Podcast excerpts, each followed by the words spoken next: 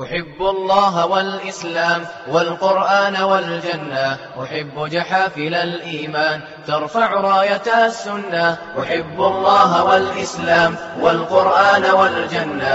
أحب جحافل الإيمان ترفع راية السنة. الحمد لله رب العالمين وأصلي وأسلم على أشرف الأنبياء والمرسلين نبينا محمد مبعوث رحمة للعالمين وعلى آله وصحبه ومن تبعهم بإحسان إلى يوم الدين رب اشرح لي صدري ويسر لي أمري واحلل عقدة من لساني يفقه قولي وبعد Počnemo sa Allahovim imenom, subhanahu wa ta'ala. Njemu se zahvaljujemo, salavat i salam.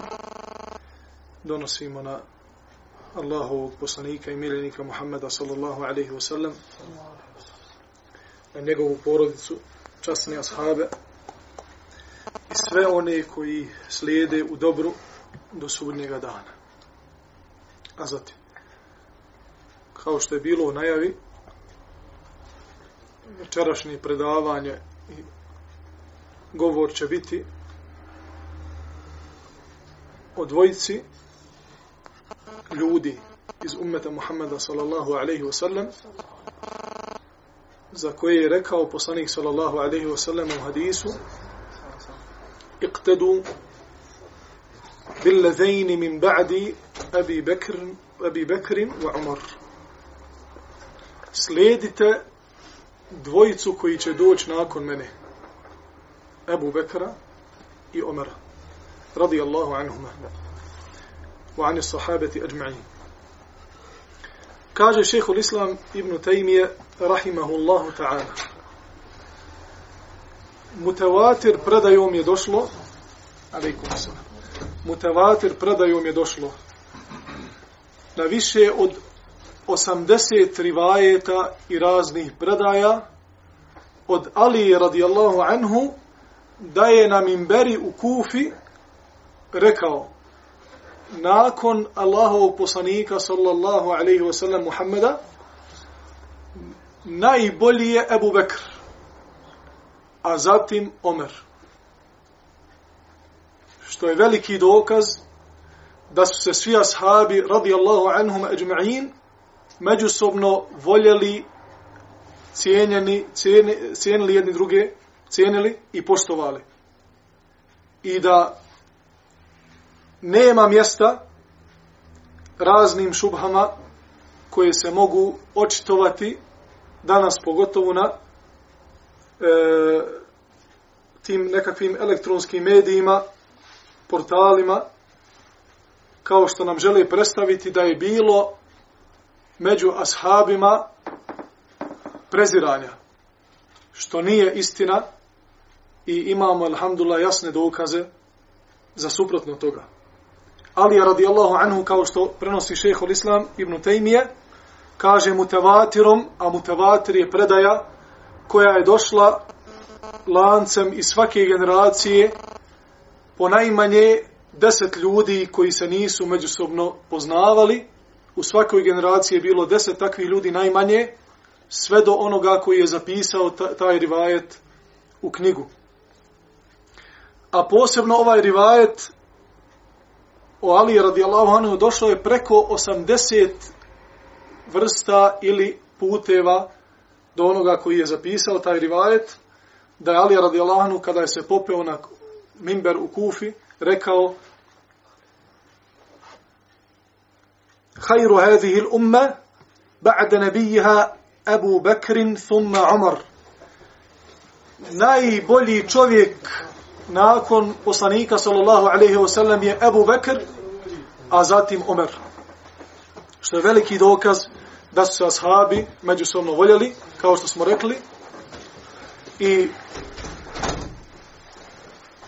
prve šije koji su se tako nazvali el mutaqaddimun min šija, nisu vjerovali ono što danas vjeruju današnje šije tako što nazivaju Abu Bekra Omera da su nevjernici, da su se odmetnuli, da su promijenili i tako dalje.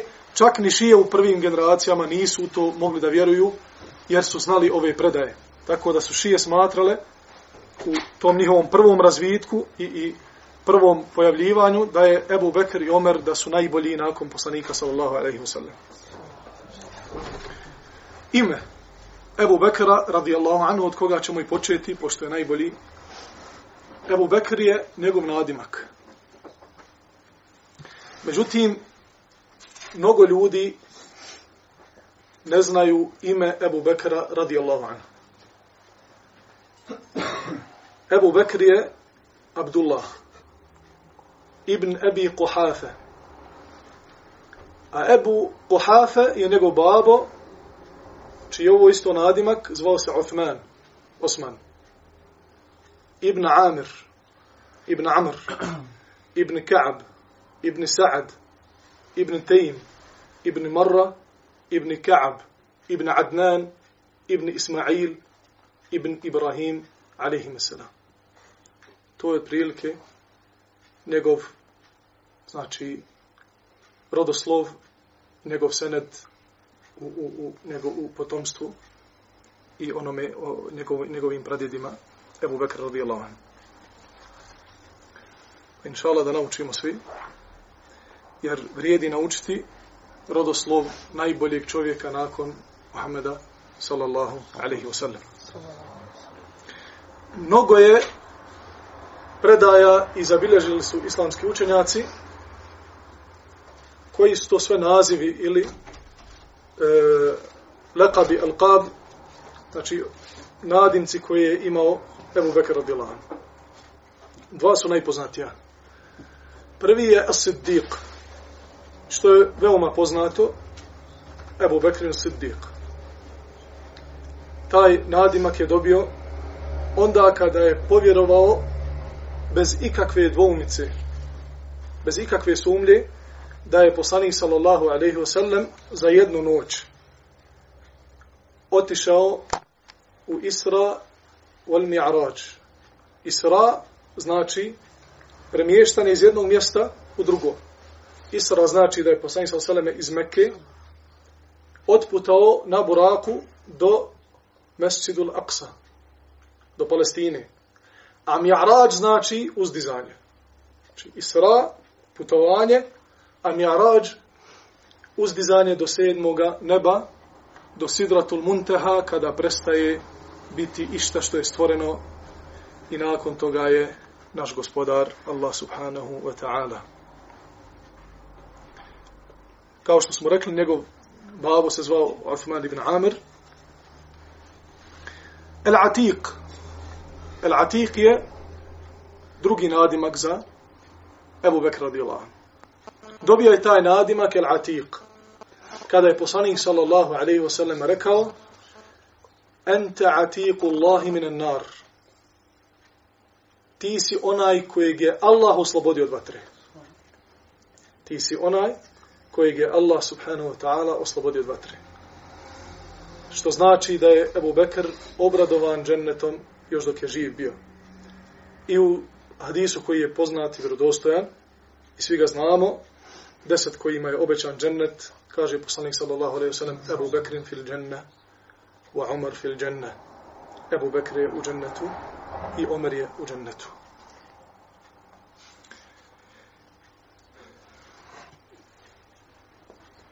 Mi ne možemo i da bi htjeli da govorimo o vrijednostima Ebu Bekra i Omara. To je teško. Znači, teško se usuditi jednom insanu da kaže ja ću sada vama da govorim o pravim istinskim vrijednostima Ebu Bekra i Omara. Ne može, teško je to. Jer teško je jezikom opisati ono što su ta dvojica, radi Allahu anhuma, ta dva brda, ta dva umeta, uradili za islam. Ja vjerujem, znajući da svako onaj ko bude sebe jednim dijelom da mu se to dijelo piše sve dok taj sebeb njegov postoji. Ja vjerujem da Ebu Bekr i Omar imaju nagradu zbog našeg sjedenja ovdje. Zato su Ebu Bekr i Omar najbolja dvojica posle Muhameda sallallahu alaihi wa. Jer su ga oni pomogli onda kad su ga ljudi izdali. Pogotovo što se za Ebu Bekra radijallahu anhu spominje, kaže Nasara Rasulallahi hina nasu hadalu. Kaže, pomogao je poslanika sallallahu alaihi sallam onog trenutka kad su ga ljudi ostavili. Na samom početku. Prvi je povjerovao od ljudi u Muhammeda sallallahu alaihi sallam. Saddaqahu hina kedzebahu nas. Povjerovao je u njega onda kada su ga ljudi u lažu gonili. A Omar radijallahu anhu je bio sebeb izzeta ponosa muslimana u Mekke kada je primio islam. Dok nije primio Ebu Bekr, dok nije primio Omer radijallahu anhu islam, muslimani su bili ponižavani od strane Kurejšija. I radili su im stvari šta god im je naumpalo od zla, to su sprovodili na muslimanima sve dok do onog trenutka dok je dok nije Omer radijallahu primio islam. Kada je Omer primio islam, nije niko više smio da ezijeti muslimane. I tada su prvi put javno izlašli u skupinama da tavafe oko Kabe i niko im se nije smio približiti. Što znači da su oba dva ummeta, Ebu Bekr i Omer, veliki zaslužnici za sjaj i opstanak Islama i dan danas. Jer zašto je poslanik sallallahu alejhi ve sellem rekao Allah je pogledao učesnike Bedra i rekao im je radite što hoćete ja sam ja sam vam oprostio. Jer su oni tada bili bedem islama. Oni su tada stali na vrata islama i rekli su nevjernicima, mnogobožcima, ne možete da ova vrata provalite. A poslanik sallallahu alejhi ve sellem u svojoj dovi rekao: Allahu moj, prije same bitke na Bedru. Allahu moj, ako uništiš ovu skupinu sada, neće na zemlji ostati neko ko ćete obožavati. Oni su bili u to vrijeme jedini muslimani, njih 300, 14, u jednom rivajtu 17, koji su stali da odbrane islam kako bi islam živio i dan danas sve do sudnjega dana. I oni imaju nagradu za svaki tesbih, za svaki zikr, svaki harf proučen iz Kur'ana, priče, piše se učesnicima bedra sve do sudnjega dana. Kao što se Zaid ibn Sabitu, Ebu Bekr i Omar radijallahu anhu međma'in, piše za svaki harf koji mi danas proučimo iz Kur'ana, njima se piše. Jesu ga oni sastavili jedan mushaf i onda ga podijelili ljudima. A i mi danas možemo da ostavimo trajnu sadaku. I mi danas možemo da nađemo način, kao što ljudi danas modernizuju, moderniraju u tehnologiji, u građevinstvu, inženjerstvu, u informatici, programeri, razmišljaju po čitav dan novi program, novi softver, na koji način da radi ova stvar. Hajde da nešto izmislimo novo, da unapredimo onaj tehnologiju. Tako pametan musliman isto razmišlja na koji način ostaviti dijelo koje će trajati tokom njegovog života, biti od hajra muslimanima, a tako i nakon, nakon njegovog života. Pa makar bilo da pri neki dan idem na jedno mjesto, vidim, nema šahta. Neko će odval cijelu gumu. Kad bi pao s autom tu, kad bi ušla guma, odvalio bi sve. I ja nisam automehančar, ne znam šta, šta ima dole, uglavnom osovine, neosovine, guma, sve bi otišlo. I musliman kaže sebi, ja ne znam možda napraviti, ali znam insana koji može, ako ništa drvenu, drveni poklopac, da bude kvaliteta, i odeš kuješ i to ti bude trajna sadoka, sve, sadaka, sve jedna guma što pređe preko, preko tog šahta koji si ti začepio i ne upadne unutra, ti imaš nagradu, ako se zanijetio hajr. Dobra ideja. Imaju česme, imaju na autobuskim stanicama, na odmaralištima, na šetalištima, napraviti klub koja možda košta 50 maraka. Od drve tako treba. Četiri stuba i od ozgo dvije daske da ljudi sjednu. Kogod odmori možda neka dena nakon 10 godina, 20, sjede tu i kaže Allah da mu dane svaki hajr napravi ovu klupu da se odmori pa se njoj dova primi, pa ti onda vidiš odjednom promijenio se život još nabolje, a ne znaš odakle te, odakle je dova došla.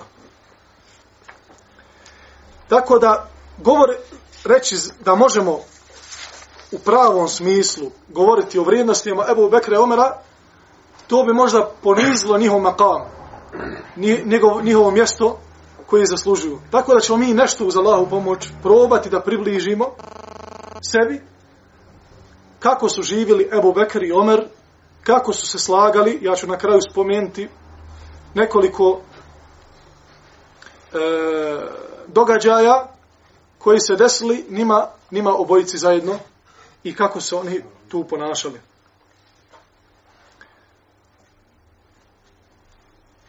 Ono što nas što me je ponukalo da govorim o Ebu Bekr radijallahu anhu jeste hadis od Ebu Sa'ida al-Hudrija radijallahu anhu rekao je Jednoga dana je poslanik sallallahu alaihi wasallam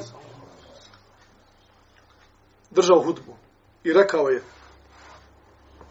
Allah je dao svome robu na izbor da izabere između dunjaluka i onoga što je kod Allaha i njegov rob je izabrao ono što je kod Allaha subhanahu wa ta'ala. Pa je Ebu Bekr zaplakao. Pa kaže Ravija, ne znam zbog čega ovaj šejh plače. Kaže što se tiče roba, to je poslanik sallallahu alejhi ve sellem. Pa je vidio poslanik sallallahu alejhi ve sellem Ebu Bekra kako plače. Jer je ta izreka poslanika sallallahu alejhi ve sellem značila da će uskoro napustiti ovaj svijet. Jer kada Allah dao na izbor poslaniku sallallahu alejhi ve sellem da izabere između dunjaluka to jest da, da to jest da još ostane živ ili ono što je kod Allaha to jest džennet i oprost i magfiret Allah poslanik sallallahu alejhi ve sellem je izabrao onaj svijet. Pa je rekao Ebu Bekru kada ga je vidio da plače, kaže nemoj plakati Ebu Bekre.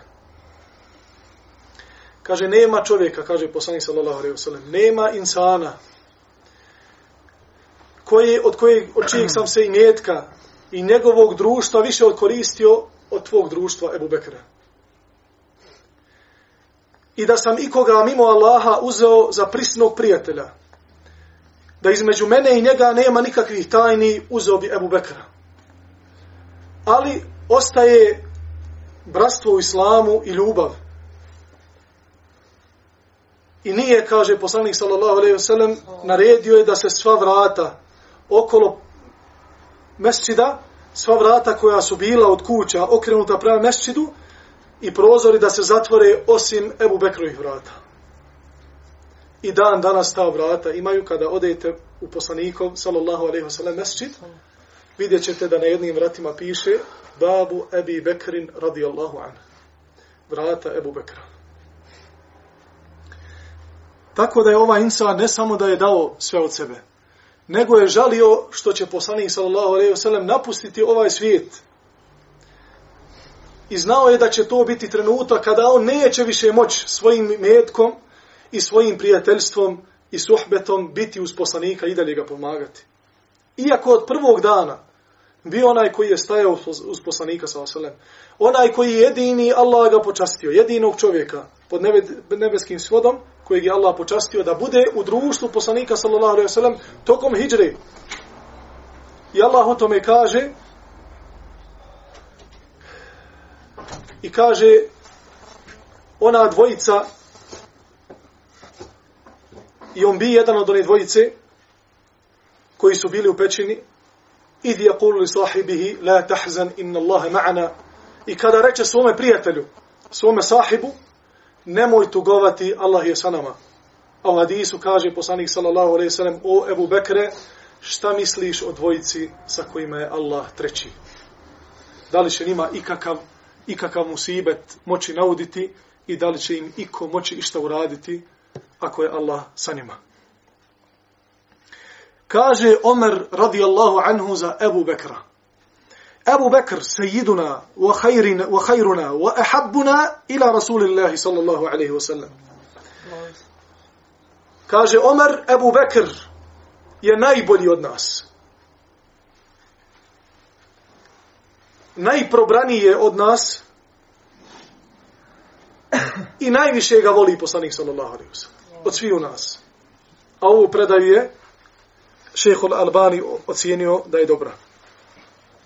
Ibnul Džauzi, rahimahullahu ta'ala, kaže Selefu salih, ispravni prethodnici, prve generacije muslimana, nakon ashaba, Allahu poslanika, sallallahu alejhi ve sellem podučavali su svoju djecu ljubavi prema Ebu Bekr, Ebu Bekru i Omeru, kao što su i podučavali surama iz Kur'ana. Znači, od malih nogu, kao što je svog sina učio, sinko, reci bismillahirrahmanirrahim, hajde sad da naučimo kul hu Allahu ahad, Allahu samed, tako je ga učio, sinko, bio je jednom insan koji se zvao Ebu Bekr.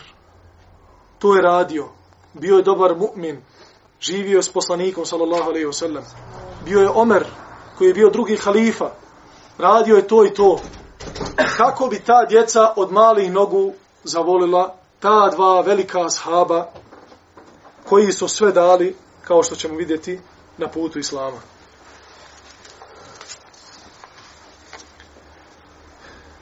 Isto ono što me je ponukalo da večeras progovorim sa vama o Ebu Bekr radijallahu anhu, a zatim i Omeru, hadis poslanika sallallahu alaihi wasallame, kada je nakon sabahskog namaza okrenuo se, jedno jutro ashabima i rekao, men asbaha minkum saimen, ko je od vas osvanuo, a da posti, postač. Pa je Ebu Bekr radijallahu anhu jedini digao to jutro ruku. Pa je poslanik sallallahu alaihi wa sallam rekao, men at'ame minkum ul jevme miskina, ko je danas od vas nahranio miskina? Pa je Ebu Bekr radijallahu anhu digao ruku jedini u međelisu. Poslanik sallallahu alaihi wa sallam dalje pita, Femen ade minkum li jevme marida, ko je od vas danas obišao bolesnika, pa je digao ruku jedini Ebu Bekr radijallahu anhu. Pa je nastavio poslanik sallallahu alaihi wa sallame i kaže فَمَنْ تَبِعَ مِنْكُمُ الْجَنَازَةَ يَوْمَا A ko je danas od vas pratio dženazu, pa je jedini podigao ruku Ebu Bekr radijallahu anhu. Pa kaže poslanik sallallahu alaihi wa sallam مَجْتَمَعَنَّ فِمْرِئِنْ إِلَّا دَخَلَ الْجَنَّةِ Ove četiri stvari nisu se našle kod jednoga čovjeka za jedan dan, a da nije ušao u džennet.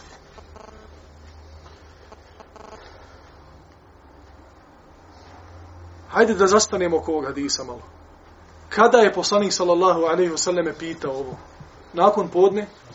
Pa da imaš vremena kad ustaneš ujutru do podne i da otpratiš dženazu i da nahraniš i da obiđeš e, bolesnika nakon sabahskog namaza umrklo još noći još svanulo nije. Kako to?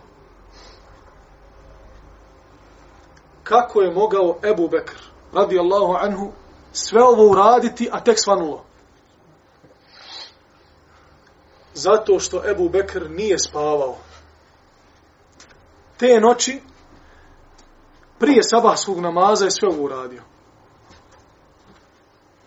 Dženaze se prije kod Arapa obavljale noću.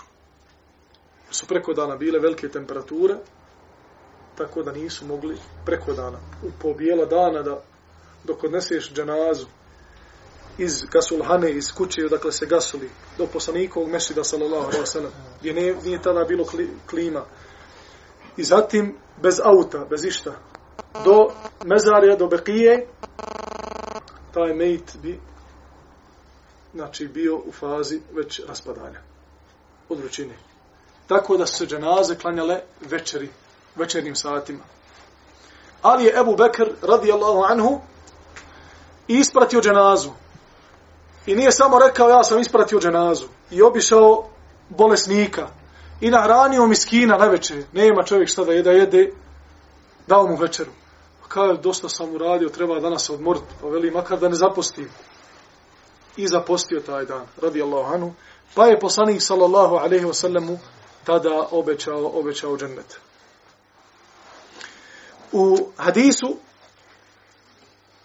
kojeg bileži imam Ahmed od Abdullah ibn Mas'uda, kaže Allah poslanik sallallahu alaihi wasallam, Allah je pogledao u srca ljudi, pa je vidio da su najbolja Allahovi poslanici sallallahu alaihi wasallam, salavatullahi wasallamu alaihim ajma'in, pa ih je izdvojio i učinio, učinio ih je poslanicima. Pa je pogledao dalje u srca, pa je vidio nakon poslanika da su najbolji ljudi oni koji je izabrao da budu fi suhbeti Rasulillah, da budu ashabi Allahu poslanika, alaihi salatu wasalam. Što je veliki dokaz da su ashabi najbolji mu'mini, najveći vjernici nakon poslanika u Allaha subhanahu wa ta'ala. Da neće doći generacija, niti osoba do sudnjega dana, koja će biti bolja od ashaba iz ovog ummeta. Što je također dokaz onima koji govore i žele da nam promijene mišljenje i akidu u tom pogledu. Da ashabi da su imali krnjavosti kod sebe, da nisu bili potpuni u segmentu vjere, da su imali kod sebe raznih primjesa i tako dalje. Što normalno e, odbijamo, smatramo to zabludom i kažemo im logikom, ako razuma imaju. Kada upitate židove, ko su oni koji su bili oko Musa, njegovi pomagači, oni će reći najbolji ljudi. Kada upitate kršćane, ko su bili havarijuni, 12 učenika Isa, reći će to su najbolji ljudi. Kada upitate jednu grupu koja kaže za sebe da pripada ovom umetu i da vole poslanikovu sallallahu alejhi ve selleme kuću i bejt kada i pitate ko su bili oni koji su cijeloga svoga života branili poslanika sallallahu alejhi ve wasallam stajali uz njega, dali svoje metke za njega i ostali tako na tom putu i na tom putu preselili, oni kažu to su najgori ljudi. Ako tu ima ikakve logike, ja bih volio da mi to neko pojasni. Ali te logike nažalost, nema, ali oni zavedu onoga ko nema znanja i ko, čije srce, srce bolesno. Allah da nas sačuva bilo koje zablude i da nas da nam učini istinu istinom i da nam olakša da je slijedimo, a da nam učini zabludu zabludom i da nam olakša da je se klonimo. Amen.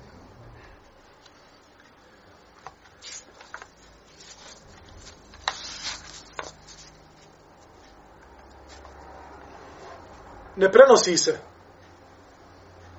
da je bila kuća u doba poslanika sallallahu alaihi wasallam gdje je majka i babo i sin zajedno sa svojom djecom i suprugom i djecom njegove djece da su bili svi vjernici i bili vjernici tokom života poslanika sallallahu alejhi ve sellem osim kuće Ebu Bekra radijallahu anhu. Sodno tome je i rekao šehol Islam ibn Tejmije, kaže, znalo se u Medini koje su kuće vjerni, vjerničke, imanske, a koje su munafičke, i govorilo se za kuću Ebu Bekra, ovo je kuća imana. I iz te kuće je izašla i majka pravovjerni Aisha radijallahu anha, najomiljenija osoba Allahom poslaniku sallallahu alaihi wasallam. Žena koja je prenijela među ravijama, među ravijama, među najviše, znači hadisa Allahu poslanika sallallahu alejhi ve sellem preko 5000 i koja je bila nakon smrti Allahu poslanika sallallahu alejhi ve sellem jedna od onih koji su davali fetve u Medini sve dok nije preselila radijallahu anha.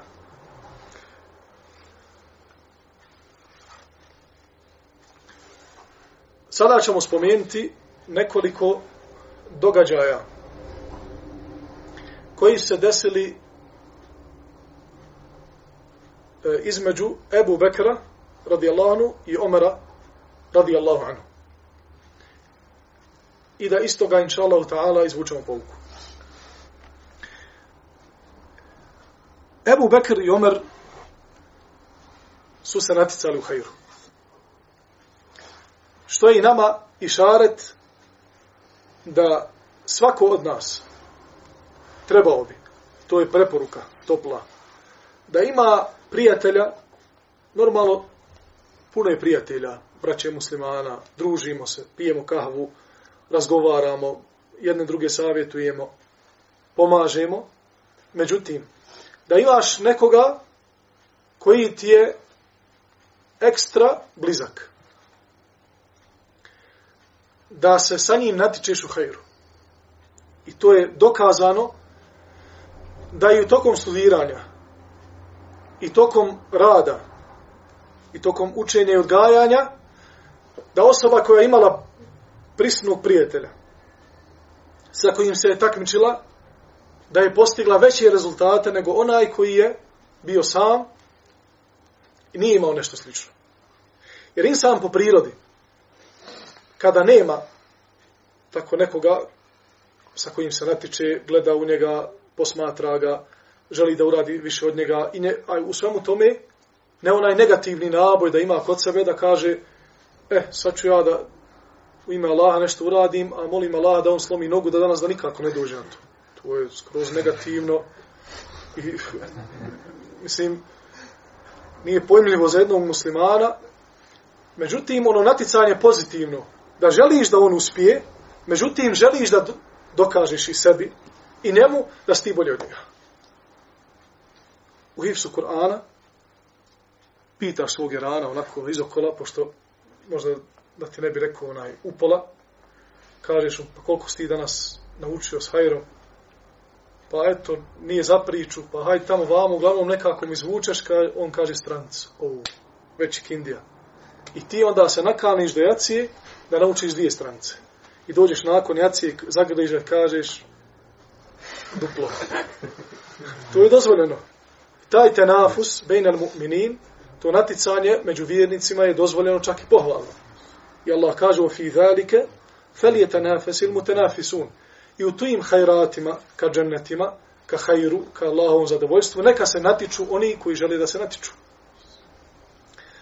وَسَابِقُونَ الْأَوَّلُونَ I oni koji se natiču onaj, u dobro i tako dalje. Znači, ajeti, ajeti nam govore, a i same, sami ovi događaji koji ćemo navesti, su dokaz da su i ashabi Allahu poslanika sallallahu alaihi sallam tako shvatali tu stvar, da su se međusobno naticali i imali su u mislima, pazi, imali su u mislima stalno, pa ja želim da budem bolji od njega. E, sad ću ga preteći, tako dalje.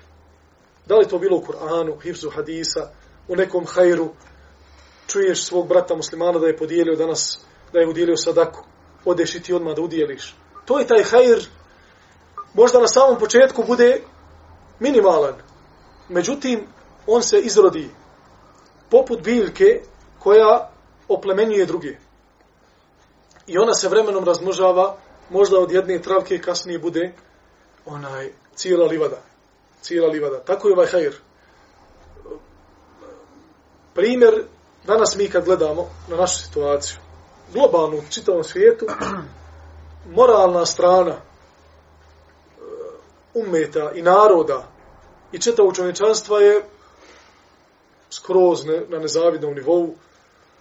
Čak možda je najgora do sad u, u nekakvoj ljestici historijata, naroda i, i, i, i čovječanstva ljudskog. Znači možda je do, dos, dosegla nekakvu najnižu ljestvicu. Međutim, nije to dokaz da može insan da se obeshrabri da kaže pa ako svi u belaju, šta ja imam sad nešto, hamdula, klanjam, pa bolji sam od, od pol mahale.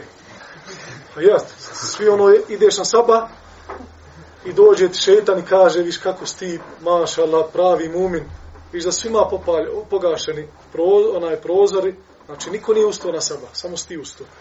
I onda tebe to čitav dan drma ti nikakav hajr nakon toga ne uradiš jer si najbolji. Što će ja se trud da i dalje budem najbolji ako sam već najbolji.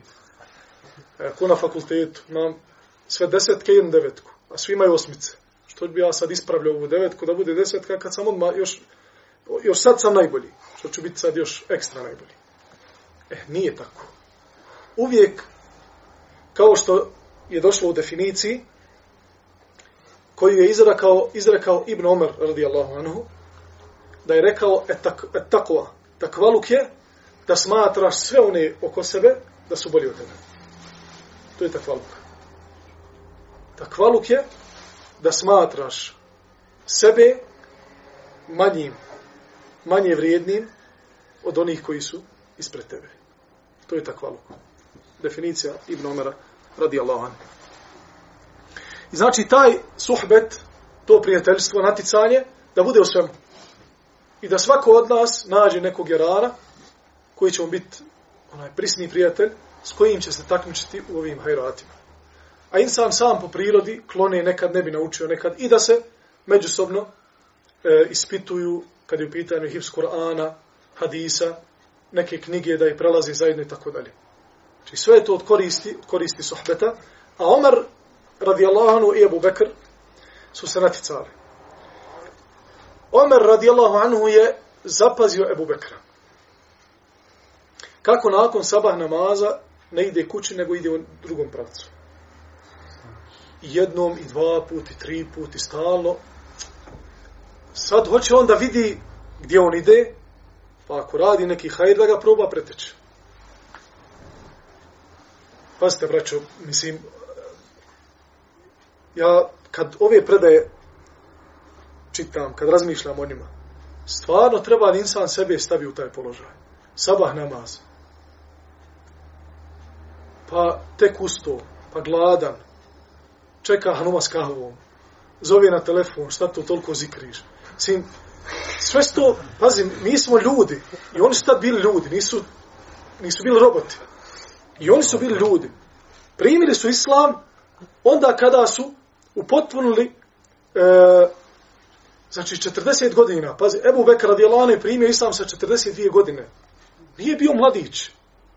Onda kažemo mladić 20 godina nema posla, nema e, porodce na, na babinom kontu, babo ga hrani. Babo ne valja. U osnovi nije baš dobar. Kako da pi kako ti vama Allah da ga uputi. Ali ga babo hrani. Razumiješ? Tu je dobar, ali se ne spominje. I sad ti možeš rad 24 sata, tebi je na volji. Kad ćeš ustat, kad ćeš nećeš, još do podne spavat. Babo gleda. Međutim, Abu Bakr je ovo sve radio, braćo, nakon hijđre. A hijđra je se desila nakon 13 godina boravka poslanika, sallallahu alejhi ve sellem u Mekke. Što znači da je Abu Bekr najmanje tada imalo, imao 55 godina. Znači, nije, nije mlad nikako. Čak možda i njemu treba pomoć. Međutim, Omer ga prati to jutro i vidi ga kako ulazi u jedan kućerak, komutvak nešto. I sačeka ga da on završi, završi on nešto bio tu, izađe, e, kad je on izašao, otišao, zbeli se sakrio Omer, da ga, da ga on ne vidi. I onda je ušao iza njega, zatekao staricu, koja je bila slomljena od starosti, znači ono, oronula, oronula starica i bila je slijepa. Nazvao je selam i kaže, majko, ko si ti? Kaže, ja sam oronula starica koja, koja je siromašna i čak i slijepa. Pa kaže, ko ti je ovo što ti je bio sad? Kaže, ne znam. Pa šta ovaj čovjek radi kod tebe? Kaže, on svako jutro, posle sabaha dođe, pomete mi kuću, pomuze mi e, ovce, ispremi mi doručak i ode. Ja ne znam ko je. Pa je Omer, radi Allahanu, sjeo, zaplakao i kaže, umorit ćeš one koji dolaze nakon tebe. Jer sad, Omer hoće da bude kojemu vekr. I bolje od njega. Ali kad je ovo vidio, zaplakao i kaže, umorit ćeš, kao što je Malik ibn Enes, e, muftil Medine, ima Malik, e, po kojem je došla i, naziv pravna škola Malikijska, kad jednog od svojih učenika zatekao, nije znao odakle taj njegov učenik svako jutro dođe njemu iza leđa na sabah.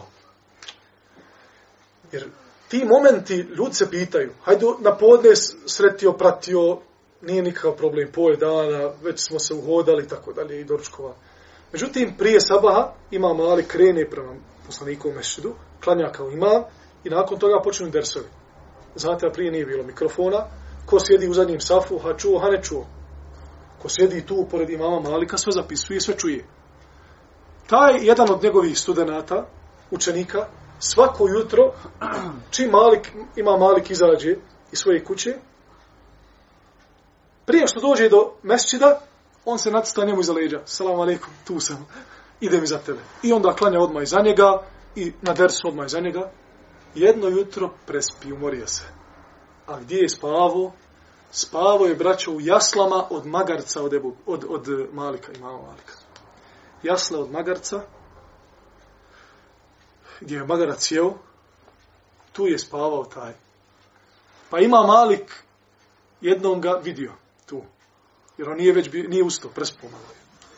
I onda ga ovako prodrmo, kaže, ustani, umorit ćeš talibe, studente islamskih nauka koji će doći nakon tebe.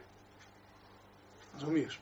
Jer onda kad ti dođeš, kažeš sebi, pa ja sam student, alhamdulillah, dnevno učim 10 sati, hvala Allah, hafi sam Kur'ana, znam i hadisa, podosta, pa šta si ti sprem ovoga?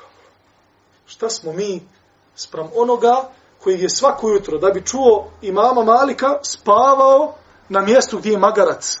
Jeo i možda nekad. Razumijete? To su bili ljudi koji su iskreno želili da postignu ono za čime su krenuli. Za džennet, za džennet, za znanje, za znanje i tako dalje.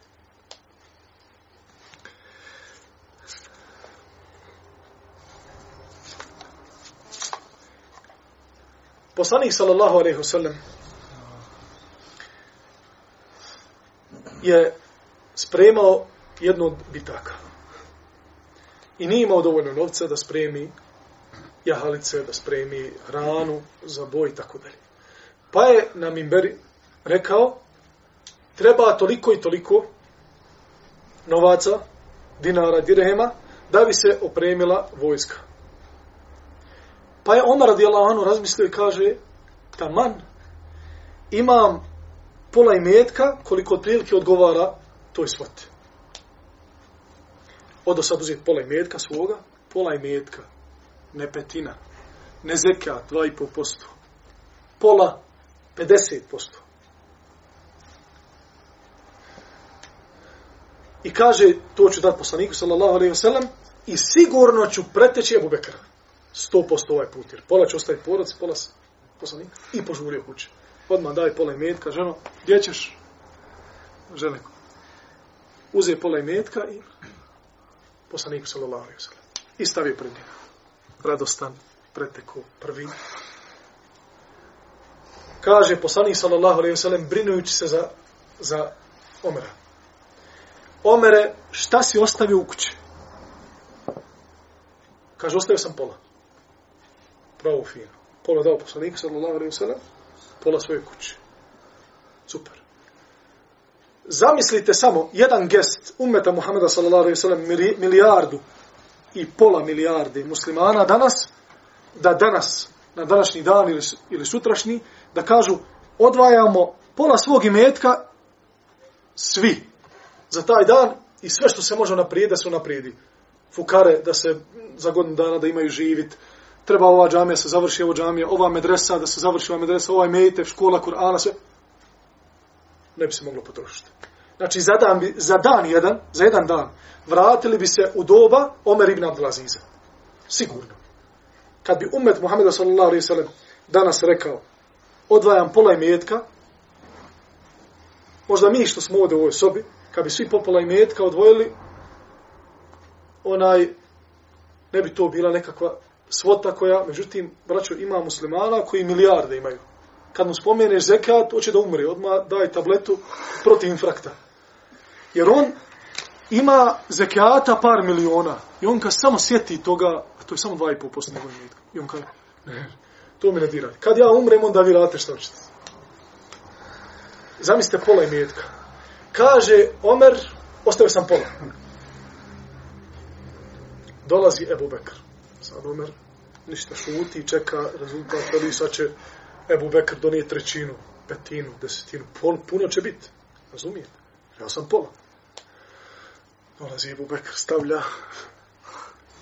Kaže poslanik sallallahu alaihi wasallam Ma abqajta li ahlik ja Ebu Bekr.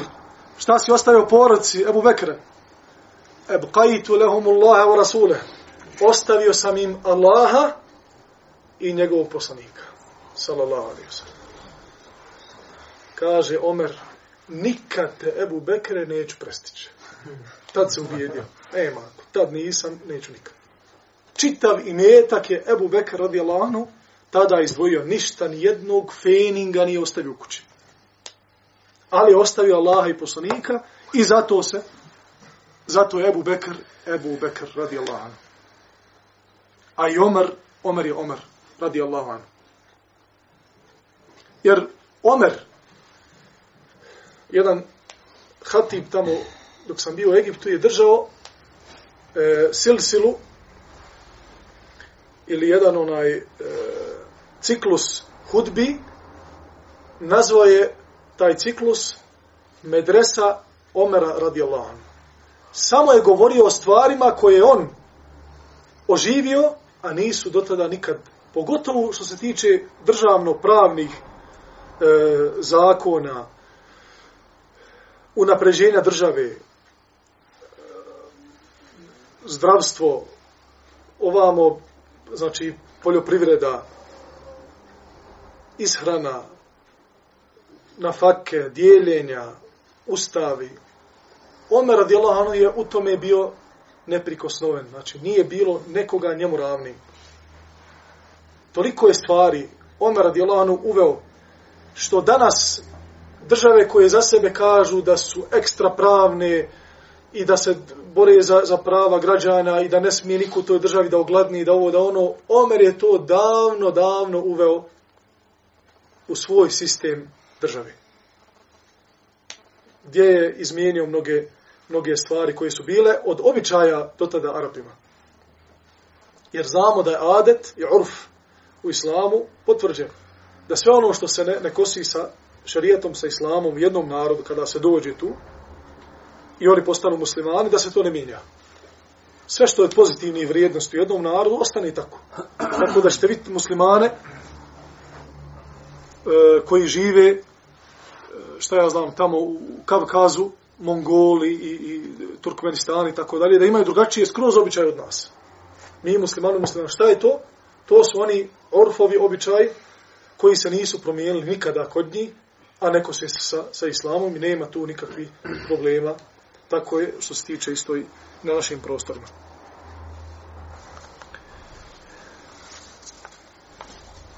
Ebu Bekr radijallahu anhu je uvijek kao lično stajao za blagu osobu.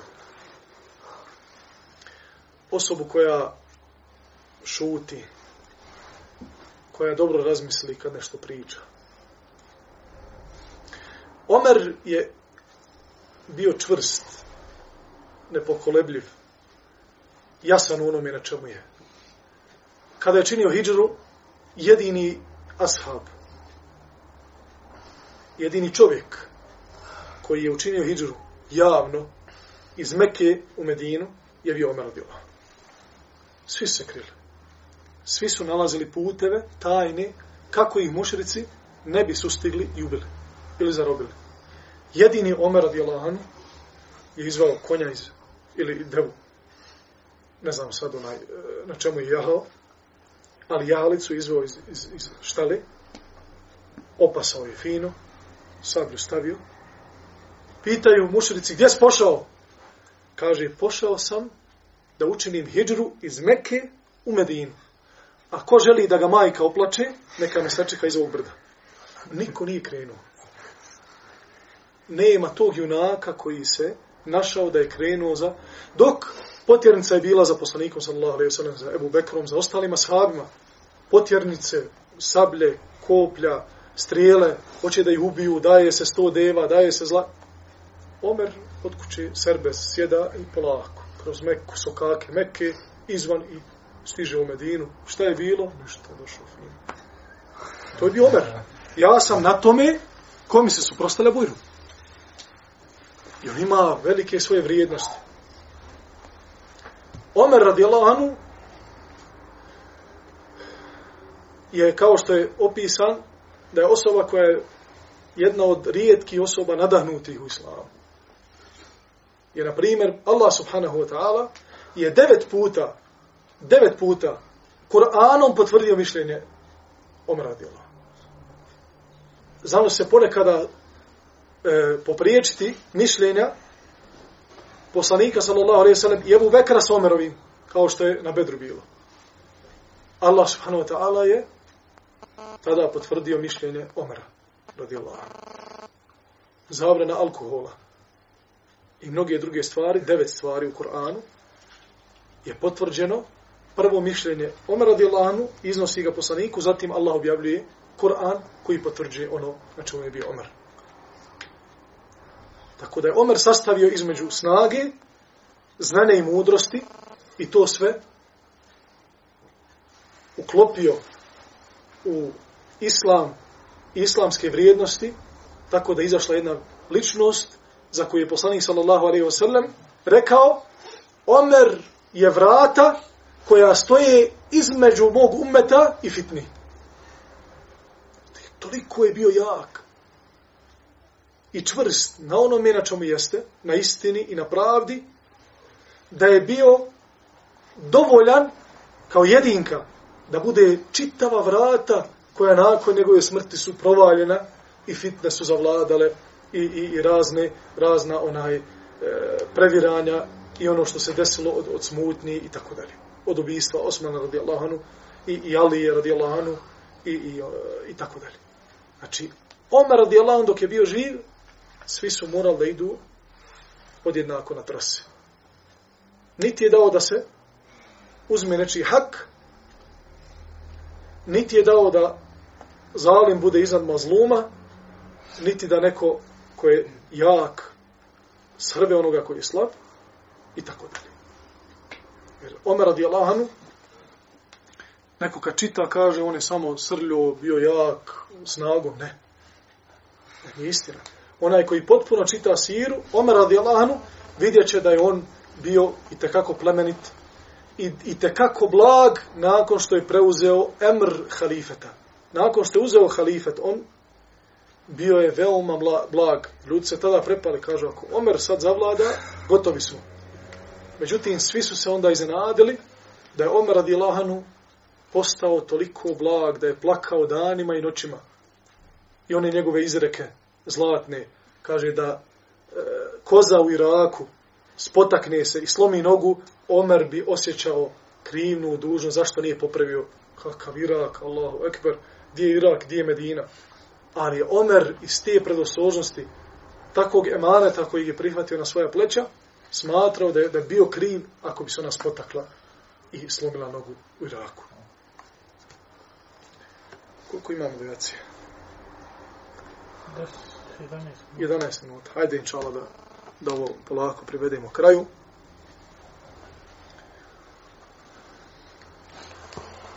Kao što sam na početku rekao, Ebu Bekir i Omer, radi Allahu anhuma, su među glavnim zaslužnicima što je danas mushaf, to jeste Kur'an u jednom mushafu.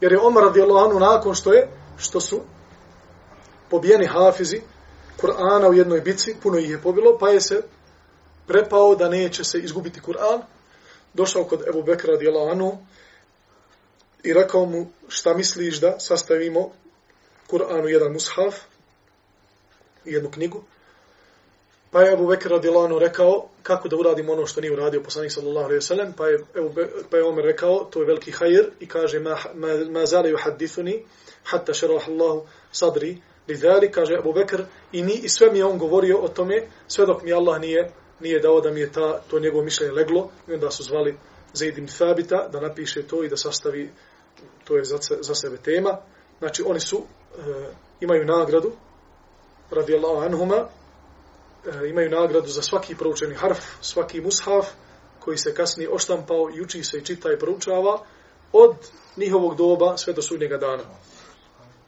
Također, Ebu Bekr, radijallahu anhu, a zajedno se konsultovao sa njim i Omer radijallahu anhu, bili su e, ključni kada je u pitanju opstanak jedan opstanka jednog od pet islamski islamski ruknova, to jeste zekat. Vrlo dobro znamo da nakon smrti poslanika sallallahu alejhi ve sellem da su mnoga arapska plemena odbila dati zekat Abu Bekru. Rekli su dok je bio živ poslanik sallallahu alejhi ve sellem njemu su davali, međutim nakon njegove smrti smatramo da da zekat ne treba davati nego im halifama. I onda je Abu Bekar radijallahu anhu e, imao kraću diskusiju sa Omerom radijallahu anhu gdje je Omer rekao ali ipak oni klanjaju izgovaraju šehadet. Oni su muslimani kaže Abu Bekr radijallahu anhu šuđa'un fil, fil džahilije džebenu fil islam, kaže, zar si, kaže, u džahilijetu bio toliko hrabar, a sad, sad, sad se kolebaš, pa kaže, Omer nije to, nego zaista se bojim da se ne prospe nedužna krv. Znači, bojaznost Omera da se ne prospe nedužna muslimanska krv. Bez razloga. Pa kaže onda Omer, Ebu Bekr, svoju poznatu izreku, kaže, tako mi Allaha. Borit ću se protiv njih, sve dok mi ne vrate, ne budu dali špagu od deve koja se vukla, to je beznazleno. Znači, nema to, nije ni par dinara, ni jedan dinar. Ali kaže, borit ću se protiv njih, sve dok mi ne budu davali i čak i taj uze koji su davali za vrijeme poslanika, sallallahu alaihi wasallam, pa je to bio sebe da ostane taj rukun i da se ponovo, znači, vrate ti temeli islama, da se čvrsto e, usade u srca muslimana i da se ti ljudi ponovo vrate na, na istinu, na istinu onako kako je Allah subhanahu wa ta'ala zadovoljan.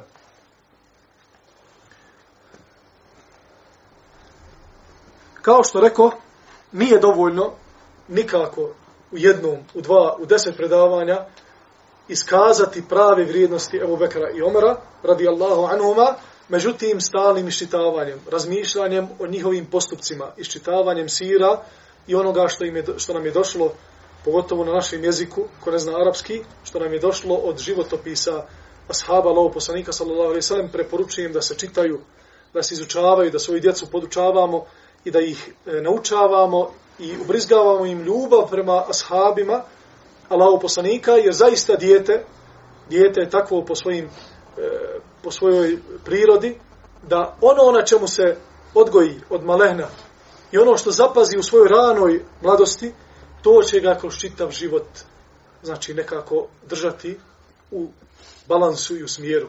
Ako je od malih nogu gledao samo futbalske utakmice, nosio samo dresove, šutao samo loptu kroz kuću u avliji i u mahali, on će odrasti i samo će znati da navija. Samo će znati da navija. Dijete koje je izbalansirano u jednoj pravoj muslimanskoj kući, gdje se zna kada je vrijeme za igru, kada je vrijeme za odmor, kada je vrijeme za školu, a kada je vrijeme da nauči islamske vrijednosti. Dijete ne može da bude poput nas, stari, da podnese neke stvari, nestrpljivo je, hoće da se igra, e, nema količinu, to je Allah subhanahu wa ta'ala tako mu stvorio, nema količinu koncentracije kao što mi imamo. Mi sjedimo 40 minuta i jače zajedno, svi smo u jednom položaju, e, gledamo jedne druge, slušamo, razmišljamo, međutim, dijete nije takvo. I to je normalno, to mi trebamo da znamo kao roditelji, da pročitamo knjigu iz odgoja djece, iz psihologije djece i tako dalje, da znamo te stvari, međutim, u isto vrijeme, da odgajamo svoju djecu, ako ništa prije, prije spavanja, da im pročitaš nešto iz Sirije poslanika, sallallahu alaihi wasallam, nešto iz akide, lagano, da kažeš Allah je jedan, Allah je stvorio nebesa i zemlju, u, za toliko dana imaju poslanici, najprobranije je pet, pa napraviš kviz svoje djece, pa ih naučiš par sura, pa ih naučiš jedan hadis poslanika, sallallahu alaihi wasallam. Kažeš im ko je Ebu Bekr, pitaš ga, sutra da nagradiš onoga ko je znao, ako imaš više djece, ako imaš jedno dijete, da, onda je lakše. Jednostavno da svoju djecu odgajamo na tome i uz Allahu pomoć vidjet ćemo kad odrastu ta djeca, ona će odrast u duhu onoga čega se sjećaju iz svog djetinstva. Kao one dide što su bile u komunističkom periodu još mladi, međutim, kad su bili djeca, išli su mejtev kod hođe. I onda cijel život služio partiji. I kad je ostario, kad je ušao u penziju, šta mu je došlo u glavu? Kad se rasteretio, nema više partije, Tito ne govori ima vanjski neprijatelj, samo što nije napo, čuvaj se, on 24 sata jednik, onaj bošnjo, sad će ne vanjski, nema vanjskog neprijatelja, ti to bio neprijatelj. Međutim, njemu tako predstavljeno.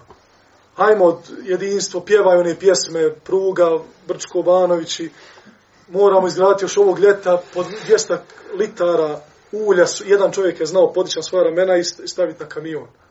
Znam insana koji je po 200 kila znao dići na svoja ramena i nikomu ne pomaže. I zato sad ne moram da... I onda kad se otrijeznio, došao u penziju, došao u kući, sjeo, šta mu je na umpalo? Ne ide. E, sjećam se da mi je hođa rekao treba se klanjati. I ušao u džamiju. Alhamdulillah, bolje i tad nego nikad. Međutim, koliko je omladine otišlo Allah subhanahu wa ta'ala, a da nisu dočekali ni penzije, nisu dočekali starosti, tako da ne smijemo, to je veliki rizik. Pitanje je vječnost između dženeta, vječne nagrade i džehennema, vječne kazne, Allah da nas sačuva od džehennemske patnje. Molim Allah subhanahu ta'ala da nam olakša da slijedimo put prve generacije muslimana.